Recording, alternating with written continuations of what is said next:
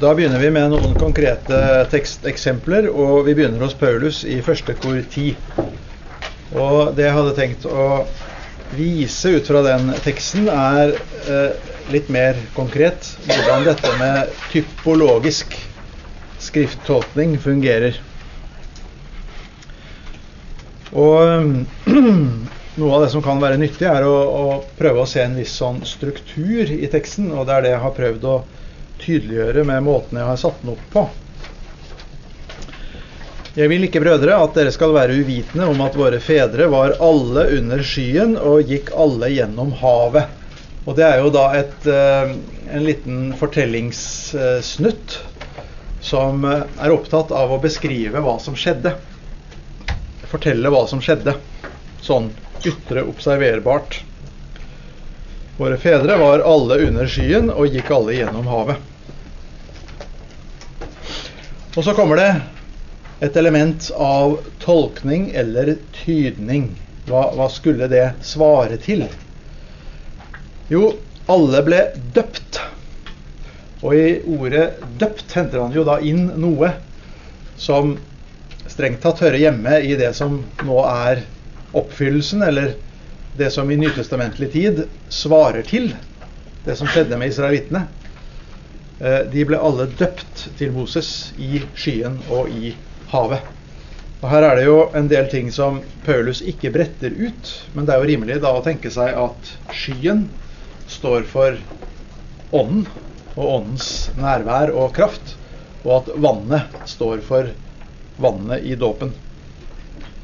Så de ble døpt ved vann og ånd. Så kommer det en ny fortellingssnutt.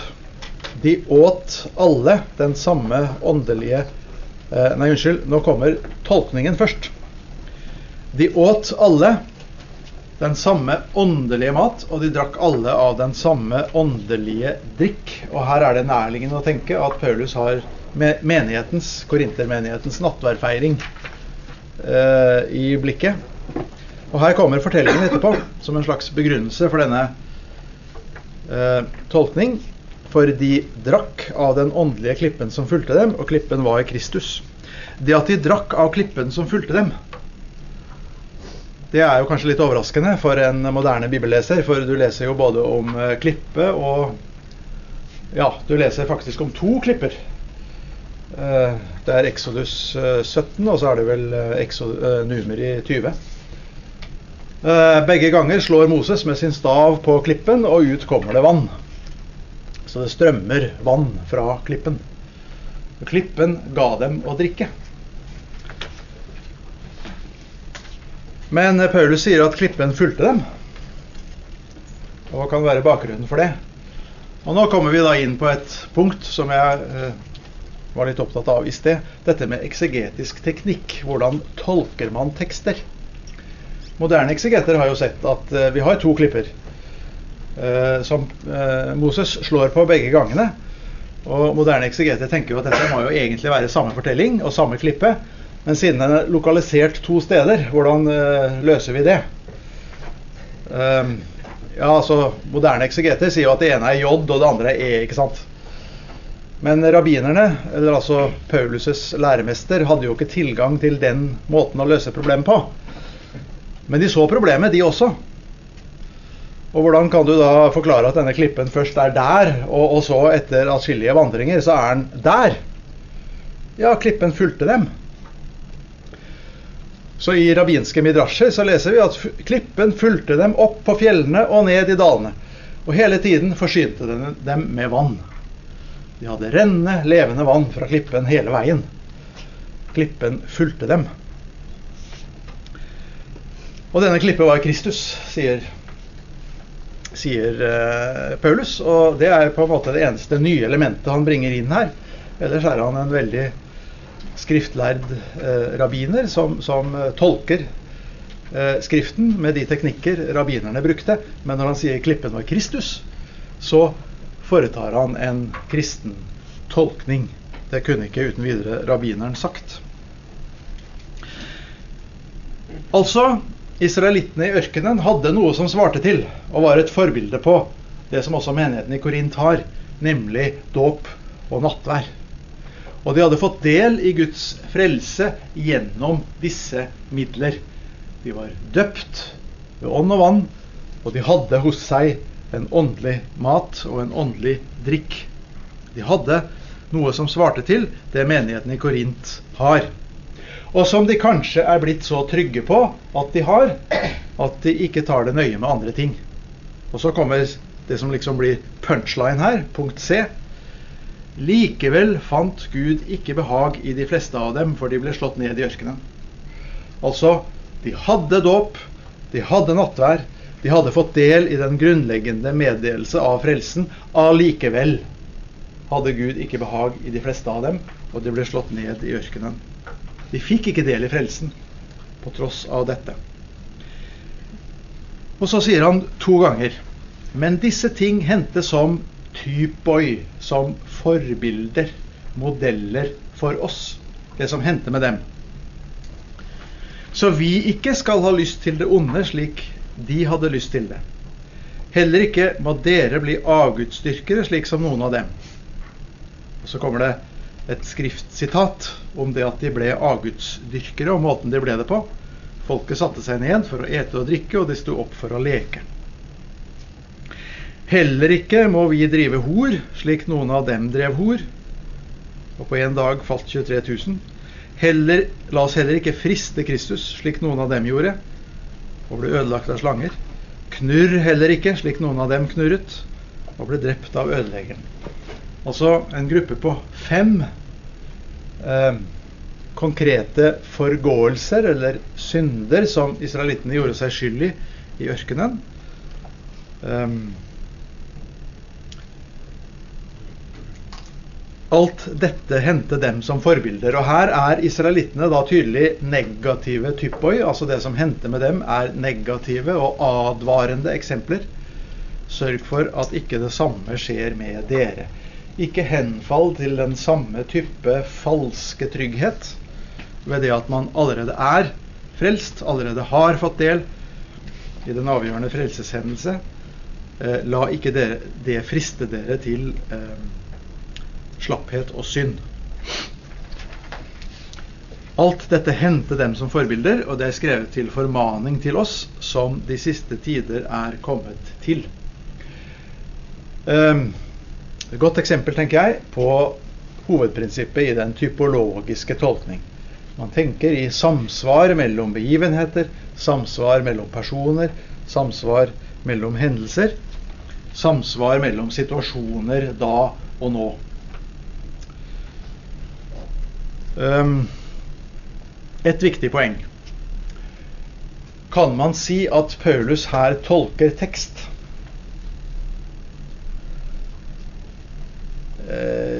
Ja Men hva er det egentlig han tolker? Han tolker på sett og vis ikke først og fremst teksten i Exodus 12 og utover, men han tolker hendelsen. Altså han tolker den hendelse teksten forteller om. Og det er faktisk Han sier ikke først og fremst at dette er skrevet som forbilde for oss, men han sier dette hendte som forbilde for oss. Det er på en måte det bak teksten. Han går bak teksten, og så tolker han det som faktisk skjedde, som en typos. Han er mer en tolker av hendelser enn han er tolker av tekster. Um, og det er vel det du kan være når du er overbevist om at den egentlige forfatter du forholder deg til når du tolker Skriften, det er Gud. Og Gud er ikke bare tekstens forfatter, men han er hendelsenes forfatter. Eh, Gud handler, og han sørger for at det blir fortalt om det han har gjort. Og hele veien er Gud auktor. Han er, han er opphavsmann. Han er forfatter. Um, så det er den handlende Gud i historien Paulus på en måte tolker. Altså det er Gud som aktør. Uh, uh, like mye som Gud som forfatter av tekster. Gud forfatter av hendelser. Uh, det er den forfatter Paulus på sett og vis forholder seg til. Og på lignende måte tenkte man i den oldkirkelige skrifttolkningen. Skriften har en auktor, og den auktor er Gud. Um, så har jeg blitt veldig fascinert av det du kunne kalle skriftbeviset, eller profetibeviset, hos Matteus. Og eh, dette har sikkert noen av dere lest og studert eh, atskillig om. Eh, det fins flere større undersøkelser av skriftbeviset hos Matteus. Det som slo meg da jeg begynte å gå litt inn i disse oppfyllingssitatene hos Matteus Dette skjedde for at det skulle oppfylles, som er sagt ved profeten. Eh, det er at jeg syns dette glimrende illustrerer det jeg snakket om i den første timen, med differansen mellom det jødene naturlig ventet, ut fra sånn som de var vant til å tolke eh, Messias-skikkelsen f.eks., og det som faktisk skjedde med Jesus. Så min forklaringshypotese til spørsmålet på hvilke punkter i fortellingen om Jesus i Matteusevangeliet er det Matteus så å si setter inn med denne type underbyggelse fra Skriften, så tror jeg det samler seg nokså greit om tre hovedpunkter. Det første er de mer uventede og kanskje litt forargelige sidene eh, som har med Jesu fødsel å gjøre. Det at han ble kalt nasareer, f.eks. Og jeg bruker jo å si til mine studenter at vi kan knapt forestille oss hvor, hvor håpløst det var med en Messias fra Nasaret. Og Da prøver jeg av og til å illustrere det med norske forhold, og det er jo hver gang like mislykket, for det er jo noen derfra. Så, så nå har senere kjørt helt safe ved å snakke om liksom, eh, Messias fra Byåsen. For det er der jeg er født og oppvokst. Um, men altså, Messias fra Nasaret var ganske håpløst. Uh, og um, helt åpenbart så har dette med at de kristnes Messias ble kalt Jesus, nasareeren det har ikke akkurat vært noen anbefaling av ham. Det har vært et ganske problematisk adjektiv å knytte til en Messias-kandidat og si at han var nasareeren. Og da tenker jeg meg hva gjør en mann som Matteus da? Hva gjør forfatteren av Matteusevangeliet da? Med det skal vi si, problemet der? Ja, naturligvis. Han går til Skriften. Og så bruker han den måte å lese Skrift på som rabbinerne, de skriftlærde, var lært opp til. Og Da ser han seg om i Skriften, og så ser han seg er det noe sted i Skriften der vi har noen antydning om at Messias skulle At profeten kanskje kaller ham Nasarer. Ja, hvordan så den hebraiske teksten ut på Matteus' tid? Ren konsonanttekst. Ikke antydning til vokaltegn noe sted i teksten. Skriftleide på den tid forholdt seg til en konsonanttekst. Og de forholdt seg til en lesetradisjon som inneholdt veiledning om hvilke vokaler du skal lese denne konsonantteksten med. Men det var mer enn én lesetradisjon. Og på særlige viktige steder i Skriften var det flere lesetradisjoner, til dels konkurrerende med hverandre, om hvordan konsonantteksten skulle leses. Så kommer du til en meget sentral messiansk profeti, nemlig Jesaja 11, 1. Og i vår bibel, hva står det der? Jo, der står det at eh, Messias skal være et skudd, eller en renning, av Isais stubb. Altså Davids fars stubb. Han skal være en, et rotskudd fra Davids stamfar. Og dette skudd, det er på hebraisk følgende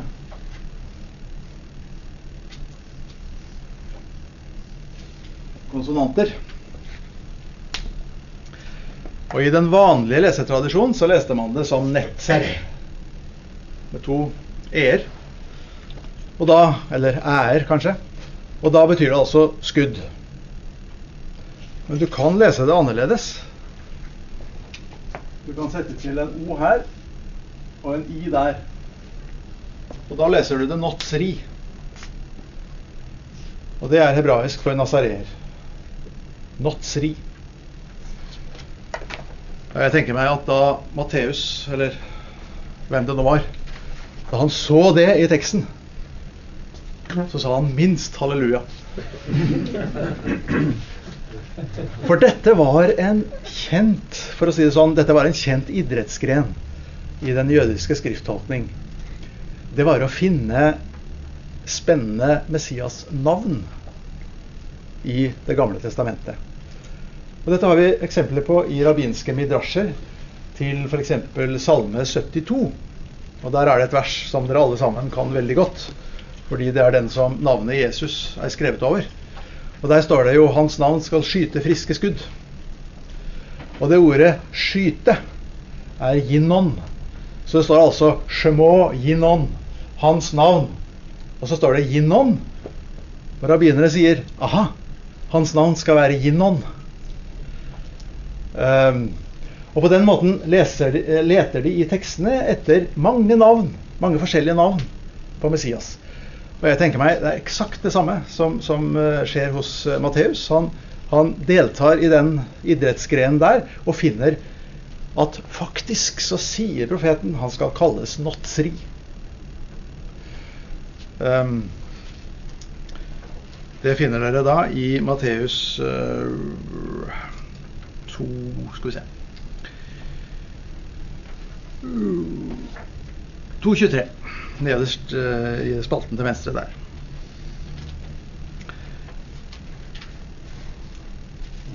Og dette er jo ikke et hvilket som helst sted. Uh, det er et av de kjernestedene ikke sant, hvor Messias er av Davids ett. Så hvis rabbinerne sa at siden han er av Davids ett, som han naturligvis kommer fra Betlehem, så, så har jo Matteus et svar på det. Han er født i Betlehem, så alt er i orden sånn. Men i selve dette hovedordet om en Messias av Davids ett står det faktisk han skal kalles en notsri. En nasareer.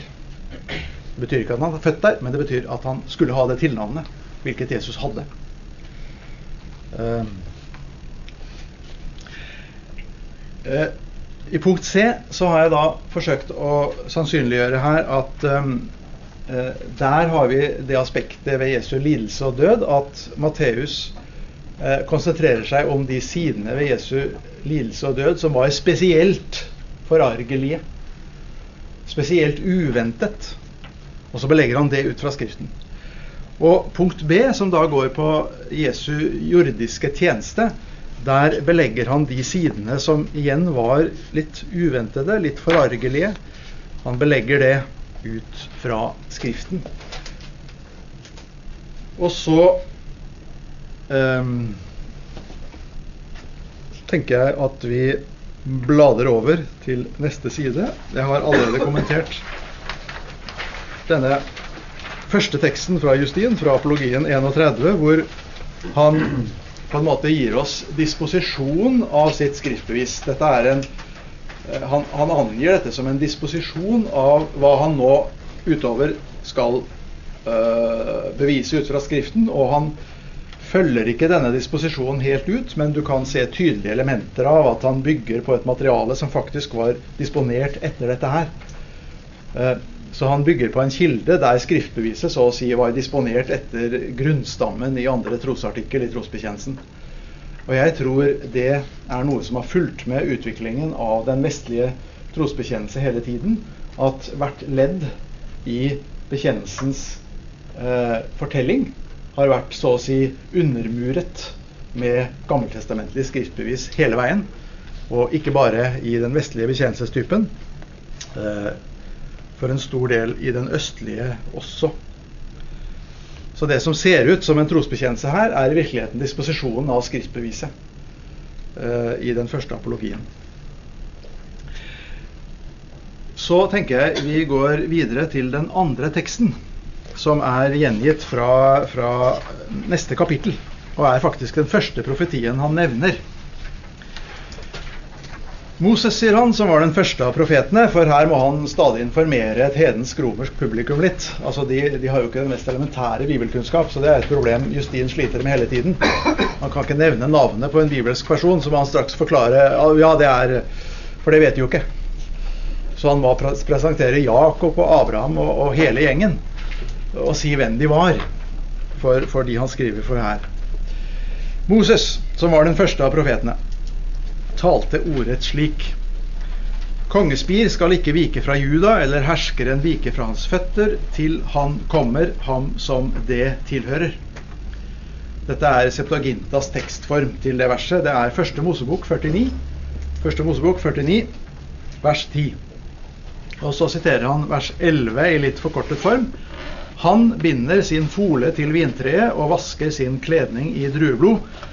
Her har eh, Justins tekstform eh, forenklet teksten litt. Den har en eh, synonym parallellisme.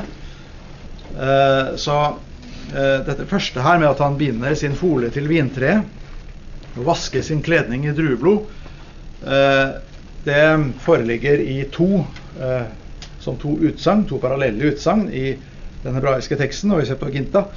Men her er det trukket sammen, så teksten, teksten er på en måte gjort mer nøktern og upoetisk. Fordi hovedpoenget her for, for eh, Justin, eller hans kilder her, eh, er på en måte å, å bringe frem sakutsagnet i teksten. Poesien har de vært mindre opptatt av. Og dere ser jeg har satt inn noen tall i, i, teksten for å strukturere den litt, og for å signalisere at de til sammen fem ledd teksten på den måten er delt opp i, de blir så kommentert i det følgende. Eh, samtlige fem. Og Her har man da et eh, glimrende eksempel på hvordan Justins kommentarer til en sånn tekst har en ganske stram og nokså fast oppbygning. Det første punktet han som regel eh, eh, refererer, er selve skriftsitatet. Og det har jeg da markert med A. Eh, og som dere ser nedover i punkt 2 og 3 i kommentaren, og 4 og 5, så er det normalt det han begynner med. Det at, eller det som står skrevet at, eh, det er det første han, eh, han refererer til. Men til det første punktet så går han litt annerledes til verks, og der begynner han med det du kunne kalle henvisningen til den konkrete oppfyllelsen i historien. Og det er C-punktet. Det er opp til dere, romere, å undersøke nøye og finne ut inntil hvilken tid det var en hersker og konge hos jødene fra deres eget folk. Og så kommer selve skriftsitatet.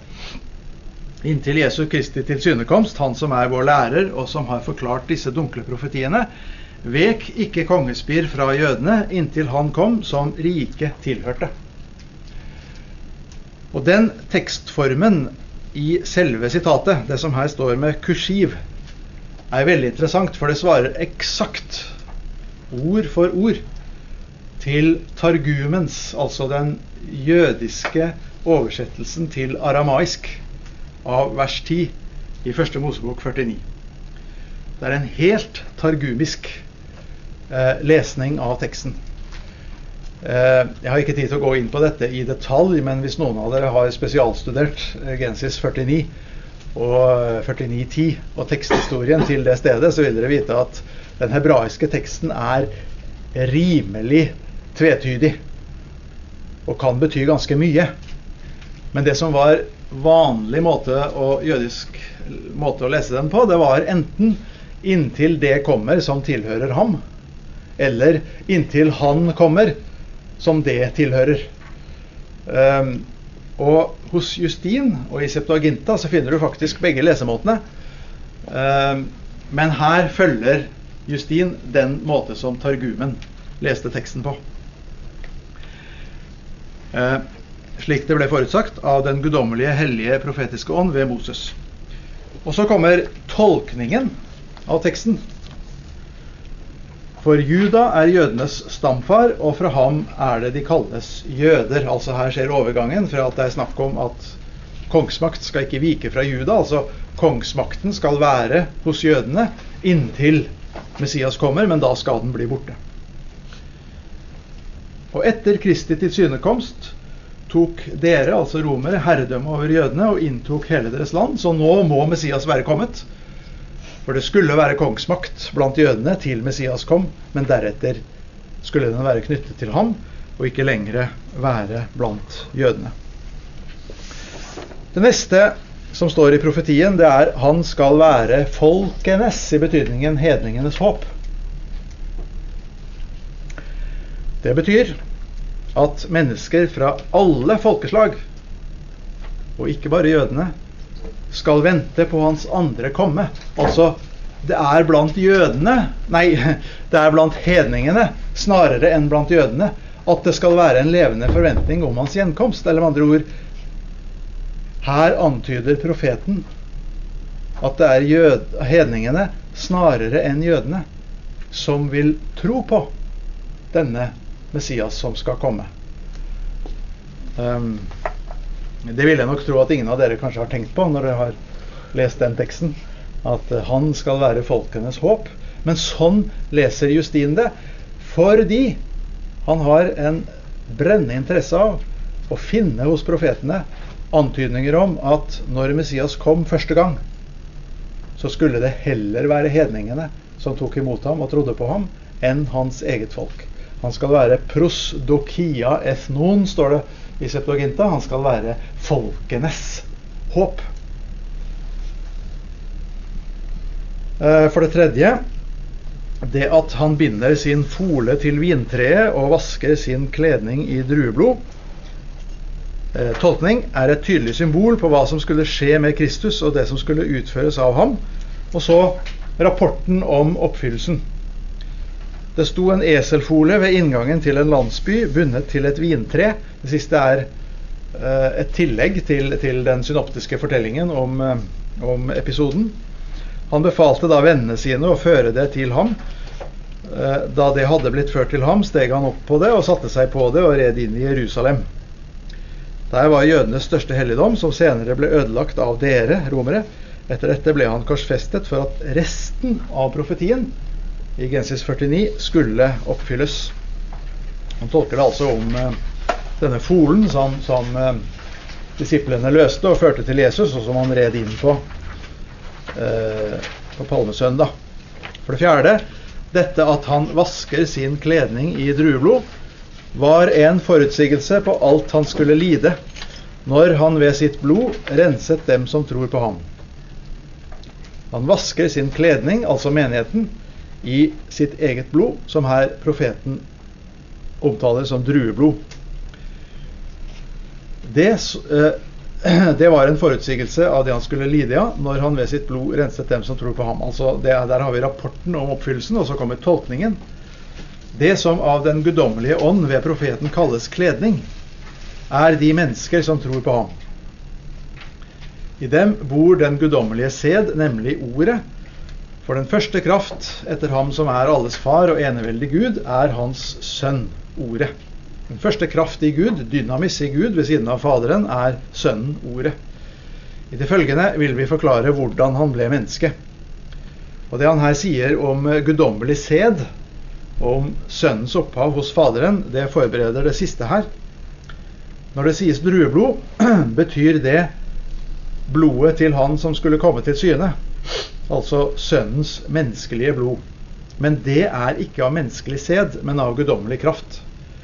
For på samme måte som det ikke er mennesker, men Gud som har skapt vintreets blod, betyr dette at blodet, altså Kristi blod, ikke skal oppstå fra menneskelig sæd, men av Guds kraft, slik vi før har sagt. Så her finner da eh, Justin et indikasjon om jomfrufødselen uh, i nokså nær analogi til det, Vi har vel en henspilling på jomfrufødselen i Johannes 1,13. Altså de som blir Guds barn, er ikke født av menneskelig sæd eller av manns vilje osv., men av Gud. Um, på lignende måte her hos, uh, hos Justin. Um, det kunne være veldig mye mer å si om um, uh, dette eksempelet hos Justin. Jeg skal nøye meg med noen få antydninger. Eh,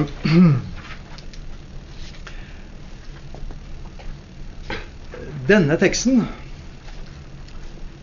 kommer Justin utførlig tilbake til i dialogen med Tryfon, som han antagelig skrev noe sånt som ti år seinere enn han skrev dette. Dette skrev han omkring 150 etter Kristus. Dialogen med Tryfon kan han ha skrevet omkring 160 etter Kristus. Og Der kommer han tilbake til akkurat samme tekst for andre gang.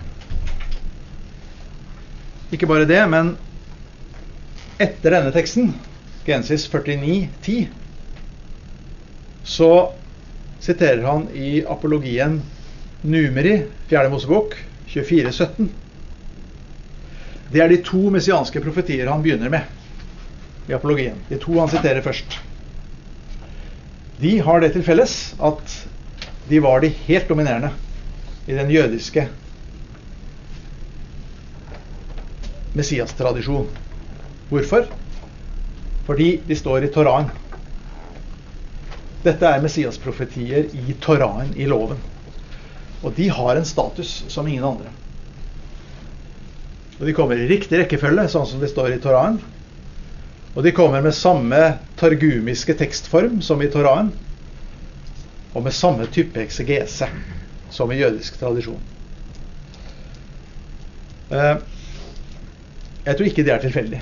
Og jeg tror det viser hvor jødisk forankret de kildene er som Justin her bygger på.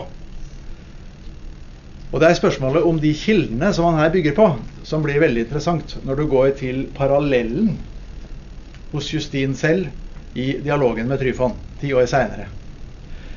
For da siterer han ikke bibelteksten slik den her er sitert. Da siterer han Septuaginta.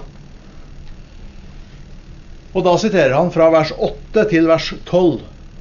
En ganske lang tekstpassasje hvor han tar med tekst på begge sider av det kjernesitat som han har i første apologi. Og Til forskjell fra første apologi så er altså tekstformen i dialogen med Tryfon tatt rett fra et Septuaginta-manuskript. Det som er interessant, det er at etter å ha sitert denne lange tekst fra Septuaginta, så kommer eksegesen også i dialogen med Tryfon. Og det eneste han da eksegerer, er det som svarer til vers 10 og 11. Eh, det som står foran og etter i det lange skriftsitatet i dialogen, det kommenterer han ikke med et ord. Men han eksegerer fortsatt de samme ord og uttrykk i teksten som han gjorde i første apologi. Og ikke bare det.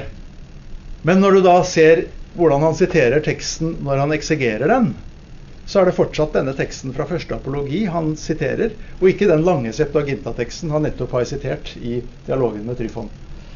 Eh, hva kan vi slutte av det? Jeg tror forklaringen er veldig enkel. I første apologi bygger han på en kristen kilde som ikke bare inneholdt en nokså modifisert Septuaginta-tekst, modifisert på lignende måte som jødene gjorde i sine targumer. Men denne kilden har også inneholdt hovedtrekkene i den eksegese han serverer oss i første apologi. Det han gjør i dialogen med Tryfon, det er at han som en sånn courtesy overfor sin jødiske motpart siterer fra den tekst han visste Tryfon var fortrolig med, nemlig teksten i et komplett bibelmanuskript til eh, Gensis. Eller kanskje var det et komplett manuskript til hele Toraen. Han siterer den teksten han vet Tryfon er fortrolig med. Men når han kommer til eksegesen, så går han tilbake til denne kilden her, og som forutsetter en annen tekstform. Og han er oppmerksom på at her er det forskjeller i tekst. Og han beskylder Tryfon for at jødene har tuklet med teksten. Det er denne teksten her, i den kristne kilden, som er sånn som de 70 egentlig oversatte. Mens den teksten som han finner i de komplette bibelmanuskriptene, som han har lånt til nærmeste synagoge, den tror han de har tuklet litt med. Og Der tar Justin feil, men den sier noe om hvor høy autoritet denne tekstform som han finner i sine kristne kilder, hadde for ham. Fordi det var kristne kilder. Så jeg tror han her bygger på en kristen kilde som dels inneholdt viktige bibelsitater, men dessuten inneholdt et element av tolkning og av det du kunne kalle oppfyllelsesrapport. En enkel fortelling fra, hentet fra evangeliene om hvordan Jesus oppfylte de forskjellige profetiene. Um, at Justin brukte sånne kilder, kan vi flere steder påvise, fordi vi fortsatt har kildene. Han bruker Matteus på den måten. Ikke bare siterer han den gammeltestamentlige teksten i nøyaktig den form den har hos Matteus, og som avviker fra Septuaginta, men han gir oss også Matteus' tolkning. Og han bruker Paulus, romerbrevet og galatebrevet på nøyaktig samme måte. Moderne eksegeter de tar formelig løpefart når de kommer til et gammeltestamentlig sitat i rombrevet, og så springer de fort over sitatet, og så fortsetter de å eksegere etter sitatet. Justin gjør det stikk motsatte. For han er skriftsitatene i rombrevet det aller viktigste i hele brevet. Eh, og det er de han siterer. Men du kan se av måten han tolker dem på, at han kjenner konteksten hos Paulus. Fordi han er påvirket av den. Um, ja. Um, vi må ha litt tid på um, det siste eksempelet også. Og der har jeg da gitt dere noen sider fra Meliton av Sardes og hans påskepreken. Den tror jeg dere fortsatt får kjøpt i eh, en uh, god kristelig bokhandel. Med Meliton av Sardes om påsken.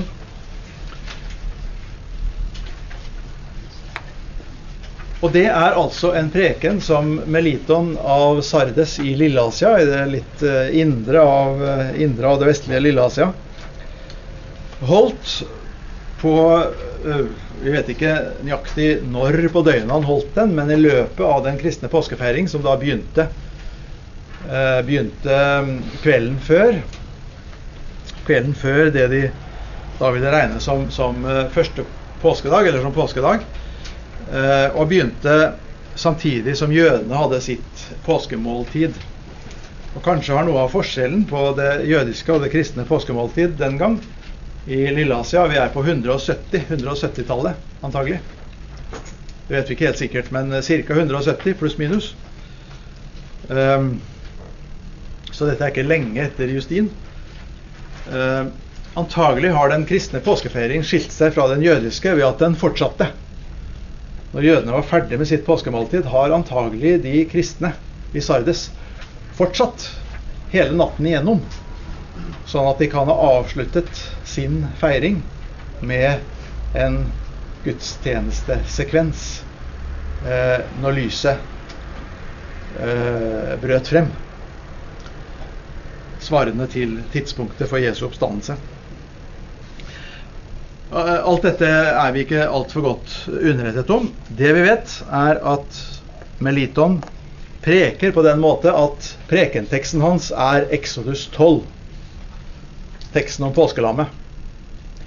Og preken-temaet hans er 'Kristus er vårt påskelam'. Eh, jødene driver på med Eller de gjorde jo ikke lenger det, men de feiret fortsatt påske. Til minne om det første påskelam og til minne om Exodus-begivenheten. Vi kristne har et nytt og annerledes påskelam. Vårt påskelam er slaktet Kristus. Og fordi Meliton på den måten fyller en jødisk høytid med et delvis nytt innhold, så er han veldig opptatt av forholdet mellom gammeltestamentlig forbilde, gammeltestamentlig modell, som han altså finner i Exodus 12 og 13, og den nytestamentlige oppfyllelsen i Kristus som det sanne påskelam. Og det er på en måte hele denne påskeprekenens eh, sammenbindende tema. Som han spiller igjennom og igjennom og igjennom flere ganger i løpet av prekenen. Men det som gir denne prekenen en spesiell interesse, det er det avsnittet som begynner med avsnitt, eller med vers, eller hva man skal kalle det, 34 og som jeg har gitt overskriften 'Forbilde og virkelighet' i denne oversettelsen.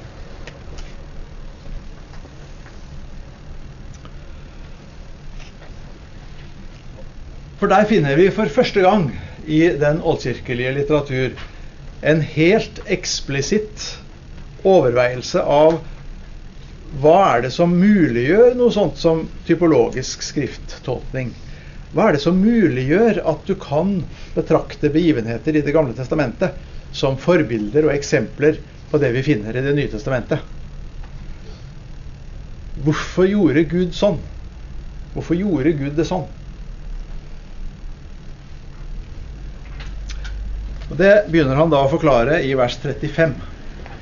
Intet som blir sagt eller gjort, mine elskede, kan forstås uten gjennom lignelser og forbilder. Typoi. Alt som blir sagt og gjort, blir sammenlignet med noe. Ord forklares ved en lignelse, handlinger ved et forbilde. Så handlingen forklares ved forbildet, og det talte for lys ved lignelsen. Med forbildet, altså typen, typos, har det seg slik. Det, altså forbildet, lages ikke som det endelige verk, men som en modell for at man gjennom den kan se det fremtidige verk. Derfor lages først et utkast til det kommende verk, av voks eller leire eller tre, slik at det fremtidige verk, større i høyde, sterkere i kraft, vakrere i formen og rikere i utsmykningen, kan ses i den lille og foreløpige modell og Her går han da videre og, og, og skildrer noe som vi alle sammen er fortrolig med. Uh, en statue lages ikke fra scratch, men en billedhugger vil normalt lage en gipsfigur eller en uh, mindre modell, og så på grunnlag av den lage det store verket i fullt format og i riktig materiale. Men først har du en mindre modell, eller en arkitekt lager først en modell Eh, for å presentere prosjektet sitt og vise hvordan det skal bli. Og Modellen er av billigere materiale, og den er i mindre målestokk enn det endelige og egentlige som kommer deretter. På lignende måte, sier, sier eh, Meliton, var det med Gud i frelseshistorien. Han laget først forbilder og modeller. Og så, så å si, skulpterte han eller bygget han i fullt format og i det edle og verdifulle materialet som skulle tilhøre selve verket. Påskelammet og det som skjedde da Israel eh, gikk ut fra Egypt, svarer til modellen. Eh, det hele og fulle verk svarer til det som skjer i Kristus.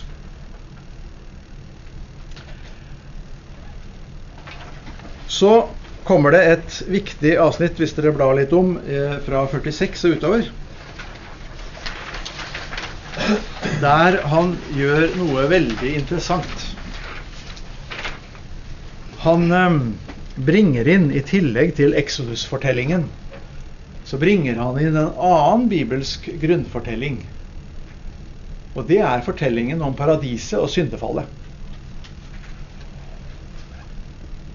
Og så legger han de to fortellingene oppå hverandre. Og så sier han det som skjedde ja, Dere må virkelig lese, lese denne parafrasering av eh, syndefallsfortellingen som dere finner her i 46 og utover. Um, den er jo på mange måter et retorisk mesterstykke, og, og man kommer til å tenke f.eks. på Paulus i, i Romerne 1, eh, hvor dette med at synden ikke bare eskalerer, men at, at synd har som konsekvens at du utleveres til følgene av, av synden. Um, det, det, har han en, en, dramatisk skildring av her. Uh, og så, når han på denne måten har, har lagt um, disse to fortellingene oppå hverandre, syndefallsfortellingen og Exodus-fortellingen, så har han skapt et grunnlag for å si at det at Israel ble ført ut av Egypt, det er i seg selv et bilde på noe annet. Nemlig at mennesket befris fra det fangenskap som det kom i gjennom syndefallet. Altså Israels opphold i Egypt blir et bilde på Adams eksistens når han er drevet ut av paradiset. Eh, og Dermed har han lagt grunnlaget for å lese eh, Exodus-fortellingen typologisk ved at han sier vi ble, eh, eller folket ble ført ut av Egypt. som fra dets fangenskap i denne verden eh, ble ført ut fra fangenskapet i Egypt, som ut fra trelldommen under synden ble ført ut fra faraos grep, som mennesket blir ført ut av djevelens grep, osv. Altså syndefallsfortelling og Exodus-fortelling legges i hverandre, eller skyves i hverandre. Og på den måten har du skaffet deg en glimrende eh, utgangspunkt for å lese Exodus-fortellingen typologisk om det som skjer gjennom eh, kors og oppstandelse. Um, hvordan han kan eh, på en måte briljere i bibelske typer, det har dere et godt eksempel på i, eh, fra vers 57 og utover.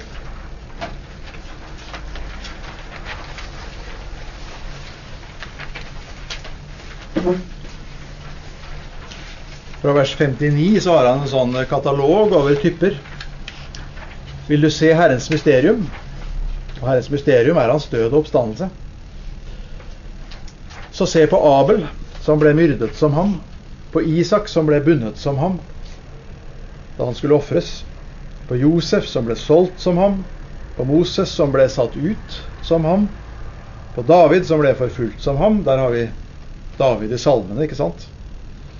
På profetene som led for Kristus, som ham. Se også på lammet som ble slaktet i Egyptens land, det som slo Egypt, men reddet Israel ved sitt blod. Så kommer det en rekke profetier fra 61 og utover. Og så kommer denne gjenfortelling av Exodus 12, der han legger um, der han legger oppfyllelsen i Kristus inn i selve gjenfortellingen av det som skjedde i den første påske. Um,